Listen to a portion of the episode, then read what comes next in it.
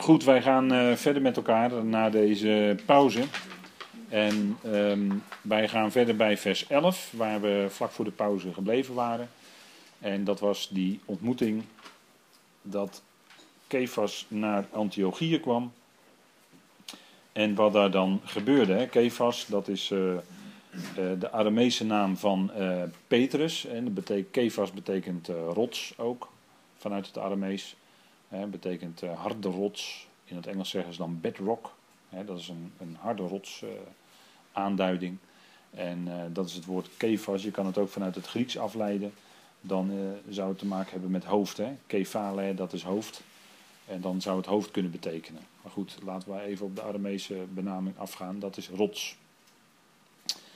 En dat, hij wordt hier zo genoemd waarschijnlijk omdat hij, uh, hoe hij zich toen opstelde. Want we hebben in de voorgaande versen gezien dat als het gaat om die twee apostelschappen, dat hij Petrus genoemd wordt. Zo wordt hij ook genoemd door de Heer als de Heer hem zijn sleutels geeft.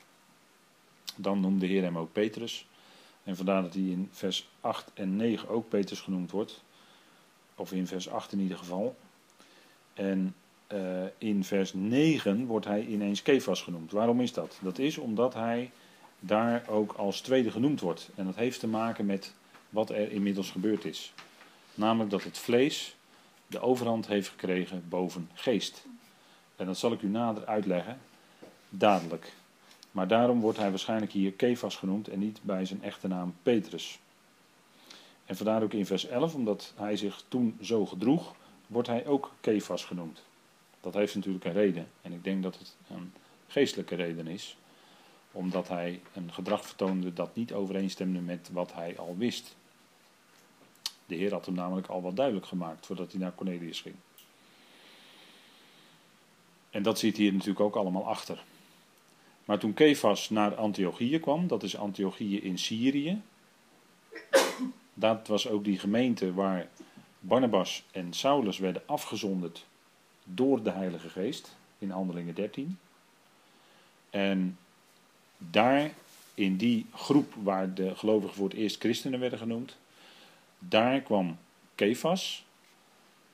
Dat was een bepaald ontmoetingsmoment. En daarvan zegt Paulus dan later weerstond ik hem recht in zijn gezicht, omdat hij afkeuring verdiende. En dat is een belangrijk punt. Hè?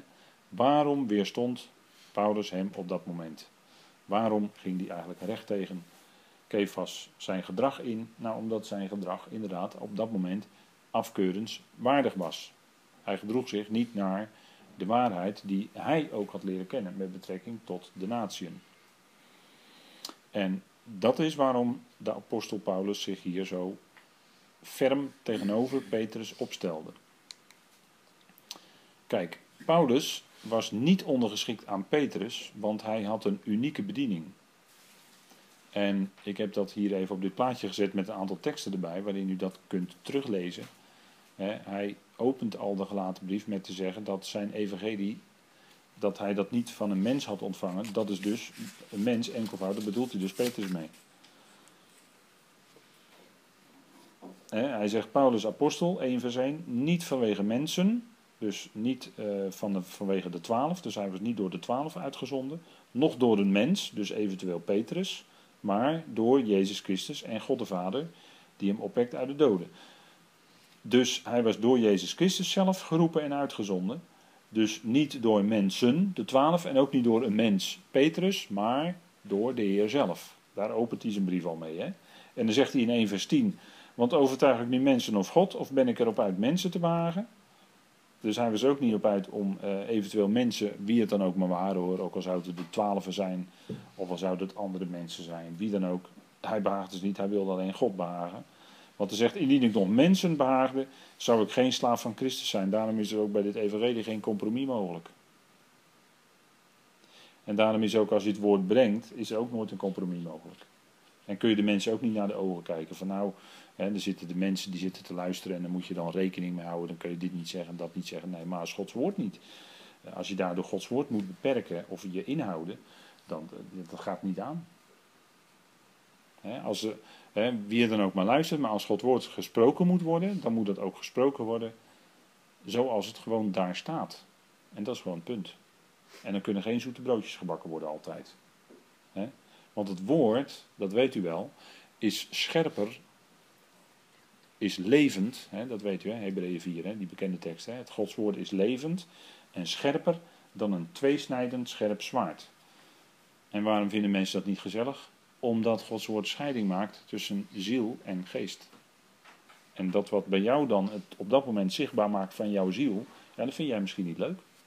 Als Gods woord klinkt, als jij daardoor aangesproken wordt. Vind je misschien niet leuk? Het scheidt van één ziel en geest, hè? gewrichten en merg.